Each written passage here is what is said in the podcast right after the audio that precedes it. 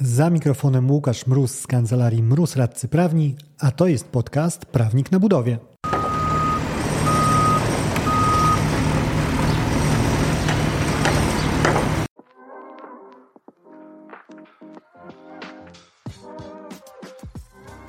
Wykonawcę spotkała ogromnie niefortunna sytuacja. Był już na finiszu pewnego etapu swoich robót, kiedy na placu budowy wybuchł pożar, który strawił cały efekt tych prac. Mimo to wykonawca stwierdził, że chciałby rozliczyć je z zamawiającym. Zamawiający stwierdził natomiast, że niekoniecznie chciałby rozliczyć je z wykonawcą. No i w takiej kolizji zamiarów i interesów strony trafiły do sądu. A o tym, jak sąd rozstrzygnął ten spór, usłyszysz w tym odcinku. Za mikrofonem Łukasz Mróz, a to jest podcast Prawnik na budowie.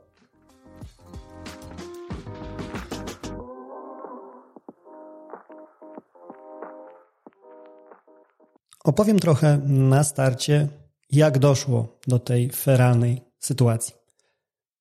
Już w samym sądzie znalazł się wykonawca, żądając ponad 300 tysięcy złotych za wykonane prace, które były częściowymi robotami w ramach inwestycji, która polegała na termoizolacji budynków szkolnych. I jeden z takich budynków właśnie wykonawca według swoich twierdzeń, o czym szerzej za chwilkę, prawie że skończył, już był w ogródku, już witał się z gąską. No i stwierdził też wykonawca, że strony dokonały protokolarnego odbioru tej części robót, a mimo to ten zamawiający no, nie chce za bardzo mu zapłacić. Zamawiający natomiast stwierdził, że nic z tego zapłacić nie mogę z bardzo fundamentalnej, z bardzo podstawowej przyczyny. Mianowicie doszło rzeczywiście do tego pożaru. W wyniku tego pożaru to, co zrobione zostało przez wykonawcę, no de facto obróciło się w popiół. To, co stworzył, było nieprzydatne do użytku. Ja nie mogę w ogóle tego przecież odebrać, a jak nie mogę odebrać, to nie mogę też zapłacić. I teraz cofnijmy się parę kroków wstecz. Jeszcze zanim strony postawiły swoje pierwsze kroki na sali sądowej, na sali rozpraw, to o tym, jak stawiały te kroki na placu budowy. 19 czerwca doszło do nieszczęśliwego pożaru i cały budynek, w którym termoizolacja ta była robiona przez wykonawcę, poszedł kolokwialnie mówiąc z dymem łącznie z efektem prac. Nie pomogła też akcja gaśnicza. Budynek został zalany wodą i to też rzutowało na całkowitą nieprzydatność efektu robót. I tu nie było właściwie sporu, że nie ma tam czego ratować.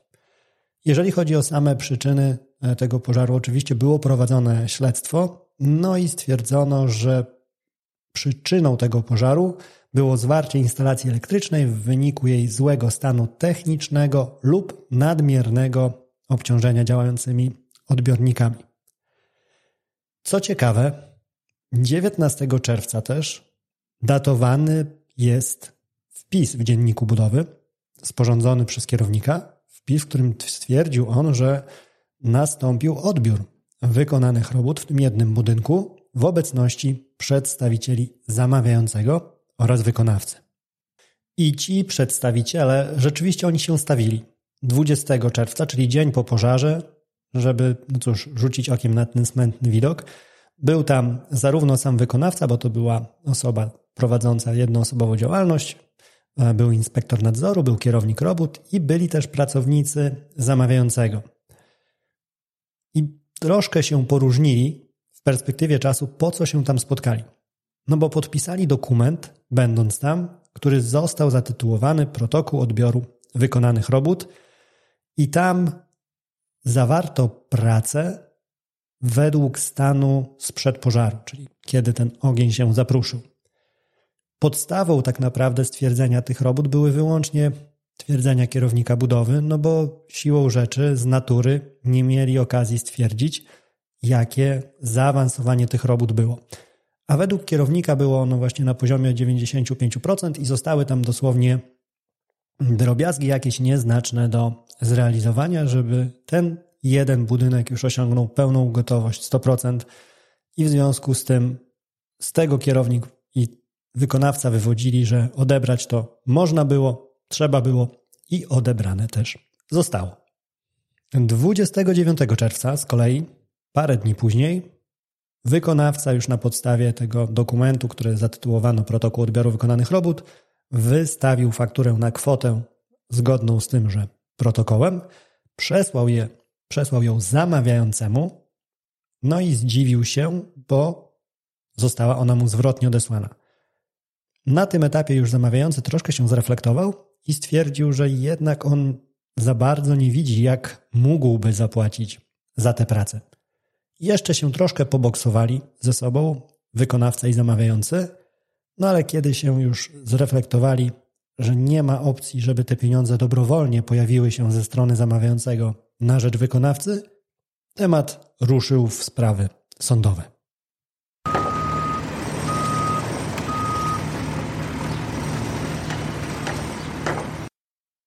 Zaspoileruję od razu, że ruszył z efektem niekorzystnym dla wykonawcy i to z efektem niekorzystnym w obu instancjach. I co przesądziło o tym, że wykonawca swoich pieniędzy nie zobaczył. Bo nawet kiedy opisywałem ten scenariusz w swoich mediach społecznościowych, miałem taki odzew dużej części osób. Fakt, że pozabranżowych powiedzmy, że tak czysto intuicyjnie, sprawiedliwościowo, zgodnie z kompasem moralnym, to wykonawca zapłatę powinien dostać, no bo sprawnie wszystko zrobił, było ok. Jaka jego wina w tym, że żywioł to strawił? Ale sądy no, muszą też uwzględnić, jak wygląda kontekst ten w świetle paragrafów. I sąd pierwszej instancji, najpierw pochylając się nad tematem, rozmawiając ze świadkami, no, doszedł do wniosku, że właściwie no, nie ma co się kłócić co do tego, że obiekt nie nadawał się do odbioru. Ten dokument z 20 czerwca, który był spisany przez strony, no był spisany w dniu, dzień po pożarze, kiedy ewidentnie to, co zastano, te pogorzelisko, to nie było coś, co mogło być odebrane, że jest to zgodne z umową, dokumentacją projektową, specyfikacją, no bo takie w protokole odbioru tym sporządzonym 20 czerwca znalazły się postanowienia i zamawiający tłumaczył to w ten sposób, że ja rozumiałem całą tą naszą procedurę jako taką wewnętrzną inwentaryzację robót na potrzeby stwierdzenia tego, co zostało wykonane. I ja jak najbardziej mogłem potwierdzić i nie miałem z tym problemu, żeby potwierdzić, że w momencie, kiedy te prace istniały, jeszcze 18 czerwca czy 19, zanim wybuchł ten pożar, to one rzeczywiście były zgodne i z umową, i z dokumentacją, i ze specyfikacją. No ale ten sam wniosek oczywiście nie był aktualny już 20 czerwca, dzień po pożarze. I tutaj sąd bardzo mocno podkreślił bardzo kluczową rzecz dla całego tego procesu, dla całego tego sporu, dla całej tej sytuacji. Zauważył on bowiem, że do momentu dokonania formalnych czynności odbiorowych to wykonawca ponosi ryzyko ewentualnych zniszczeń swoich prac. Także jeżeli nie ponosi winy we wznieceniu pożaru, bo tutaj nikt mu tego nie zarzucał. I sąd okręgowy tak, nie powiem, że na otarcie łez, bo raczej wykonawca sobie tym łez nie otarł i pocieszenia w tym nie znalazł. Sąd zauważył, że ryzyko to wykonawcze może być zminimalizowane poprzez zapewnienie odpowiedniej ochrony ubezpieczeniowej.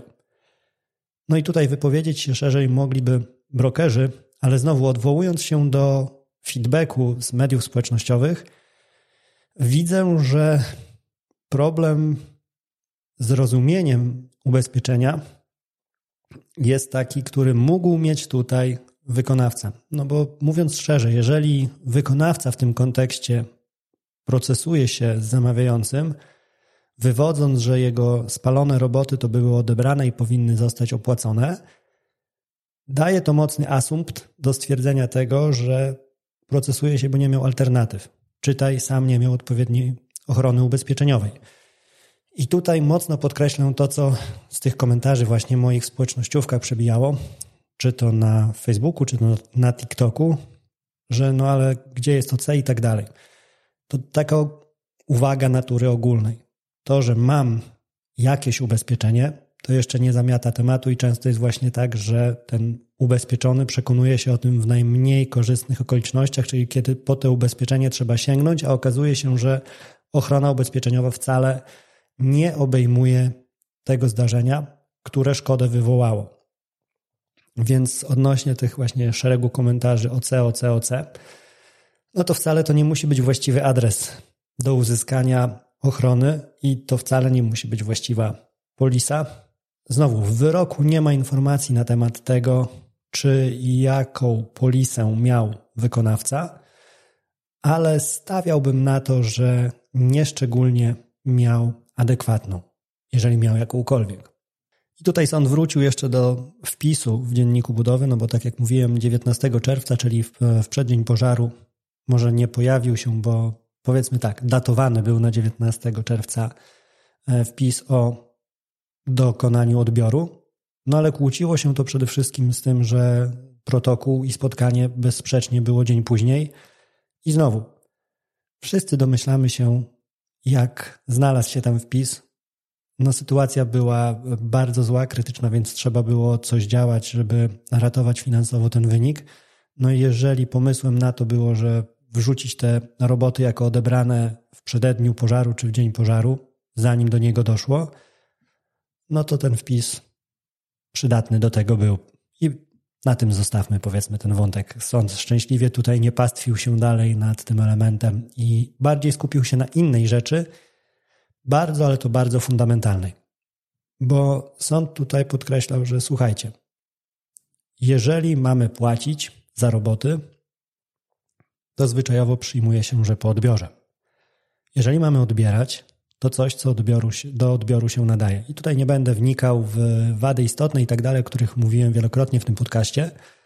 Chyba nie trzeba nikogo przekonywać, że e, pogorzelisko nie jest robotami budowlanymi, które są takim efektem spełniającym wymogi kontraktu, dokumentacji, sztuki budowlanej itd., tak itd. I na tym właśnie opiera się cała kwestia, całe rozstrzygnięcie sądu, że wykonawco ja rozumiem. Jesteś w bardzo złej sytuacji, nie zazdroszczę ci tego położenia, ale prawda jest taka, że ty nie możesz przyjść po pieniądze, twierdząc, że był odbiór robót i tak dalej, kiedy na moment, kiedy właściwie chciałbyś się przedstawić do odbioru, to nie istniało cokolwiek, co odebrane być mogło. To tak, jakbyś przyszedł po prostu, nie pojawiwszy się na placu budowy, Przyszedł po pewnym czasie po odbiór, gdzie zachodzisz z inwestorem i tam sobie róże jerychońskie się toczą i hula wiatr. No, nie ma pracy. I znowu, żebyśmy się zrozumieli, tutaj sąd jakby robi takie wyjście podstawowe, ustalając rzecz, z którą trudno się kłócić. Nie było czego odbierać w dniu po pożarze. I nie chcę tutaj jeszcze wybiegać w oceny etyczne, czy to sprawiedliwe, uczciwe i tak dalej, ale znowu, nawet jeżeli słuchając tego, gryzie cię rozstrzygnięcie sądu, stwierdzając, że to jest zwyczajnie niesprawiedliwe, żeby wykonawca w tym kontekście poniósł ciężar ekonomiczny tego pożaru, no to nie ma co się kłócić, że tam nie było czego odbierać, a jak nie było czego odbierać, no to i roszczenie czy wynagrodzenie za wykonane roboty nie bardzo powstało do wypłacenia. I dlatego sąd zgodził się pod kątem tego protokołu sporządzonego przez strony. Znowu troszkę domniemuję, ale być może na początku był jakiś pomysł, żeby dobrze zrobić wykonawcy i po prostu rozliczyć mu to, co miał e, wykonane, a później ten pomysł się posypał, kiedy zaczęły się obawy, czy rzeczywiście tak można i czy nie będzie z tego konsekwencji negatywnych po naszej stronie jako zamawiającego. Niemniej, suma summarum, rzeczywiście w takim kontekście zdecydowanie bardziej przekonująca jest ta opcja zamawiającego, gdzie on nie odbierał pogorzeliska, ale dla celów dokumentacyjnych stawił się na tej randce popożarowej z wykonawcą, żeby stwierdzić, jakie roboty do czasu tego wybuchu pożaru zostały zrobione.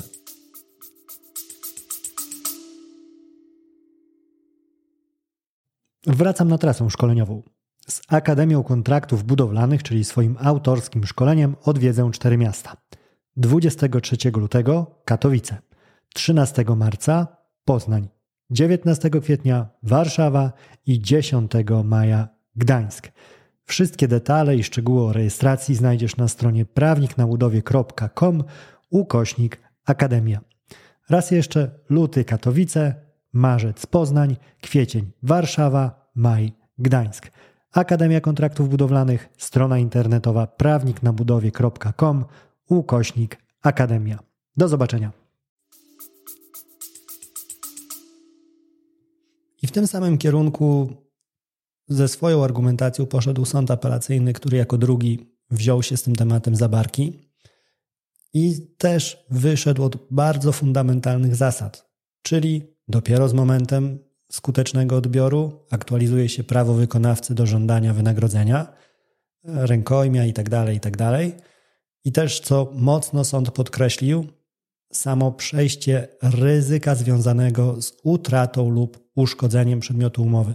To właśnie jest ten punkt limitujący, punkt, taka linia demarkacyjna, gdzie przed nią to wykonawca, a za nią już inwestor.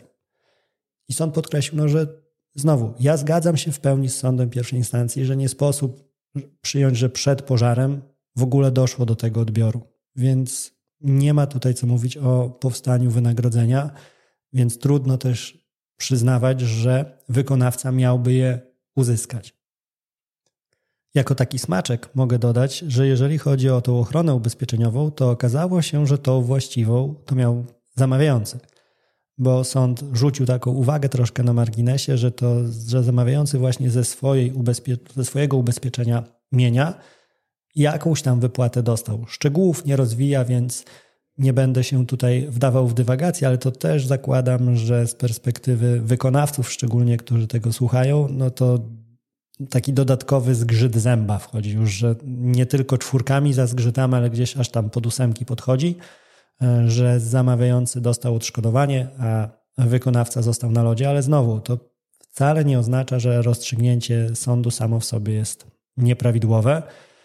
I jakkolwiek tak wyświechtanie i górno, tak może nie górnolotnie, a takim spojrzeniem z góry zabrzmi, to trzeba było się ubezpieczyć – to może być chyba najwłaściwszy komentarz do tej sprawy z perspektywy wykonawcy i oceny jego działań. Ale jeszcze troszkę istotnych wątków. Wątków, które właśnie znowu w feedbacku komentarzowym, e, facebookowo, tiktokowym głównie się objawiły.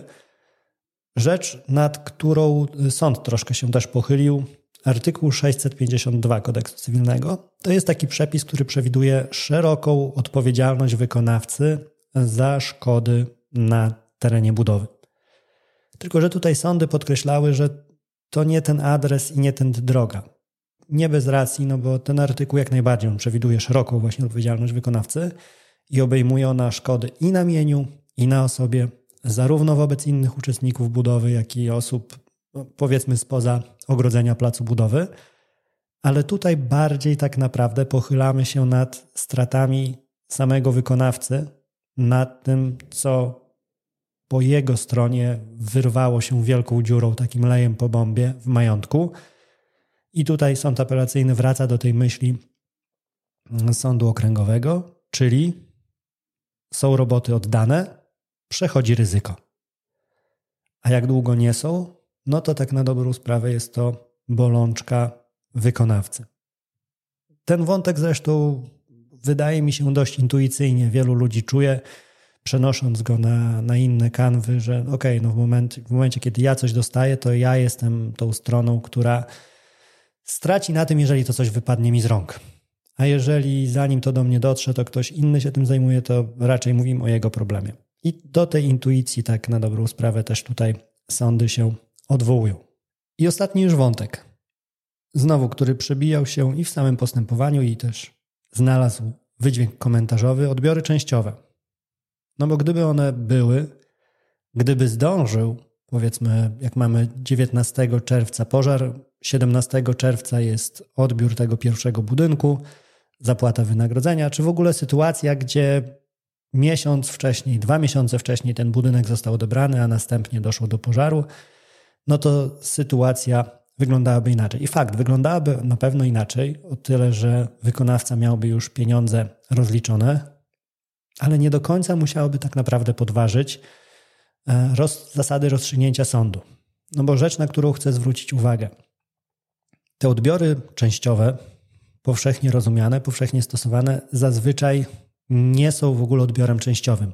W tym znaczeniu, że nie stanowią takiego skwitowania całościowego danego etapu. Bo wyobraź sobie, że myślisz o odbiorze końcowym. No to jest weryfikacja ilościowa, jakościowa robót i momentem jej zakończenia jest szereg bardzo istotnych okoliczności. Zapłacić wynagrodzenie trzeba, ochrona wadowa, ta rękojmiana czy gwarancja jakości rusza i tak dalej, i tak dalej.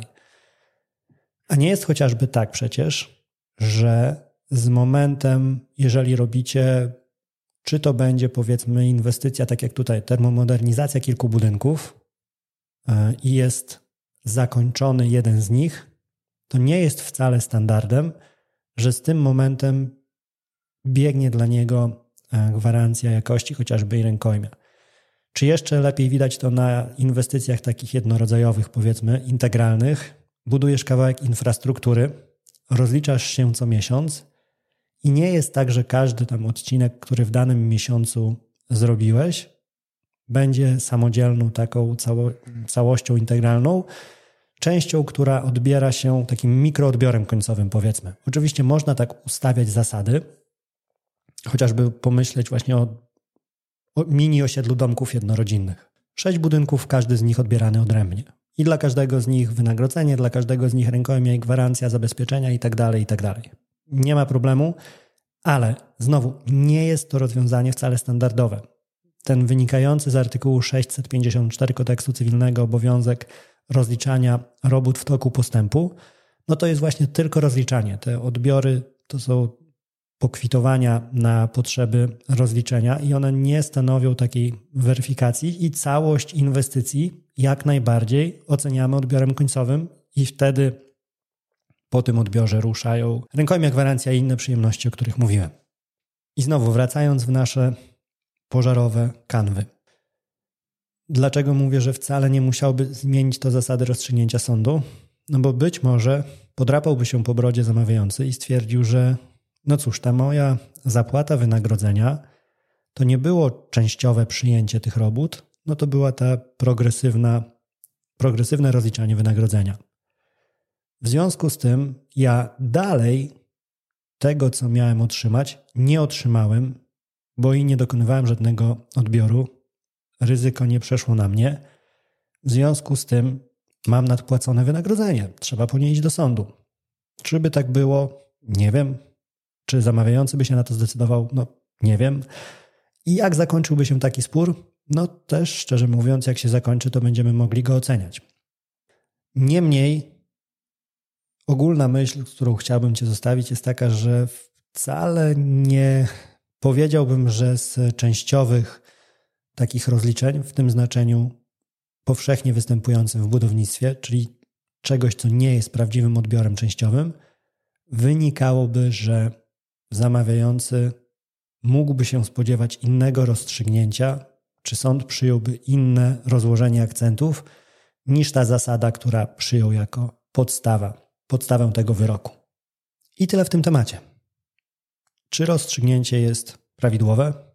Pewnie znalazłyby się głosy za tym, że jest i głosy za tym, że nie jest.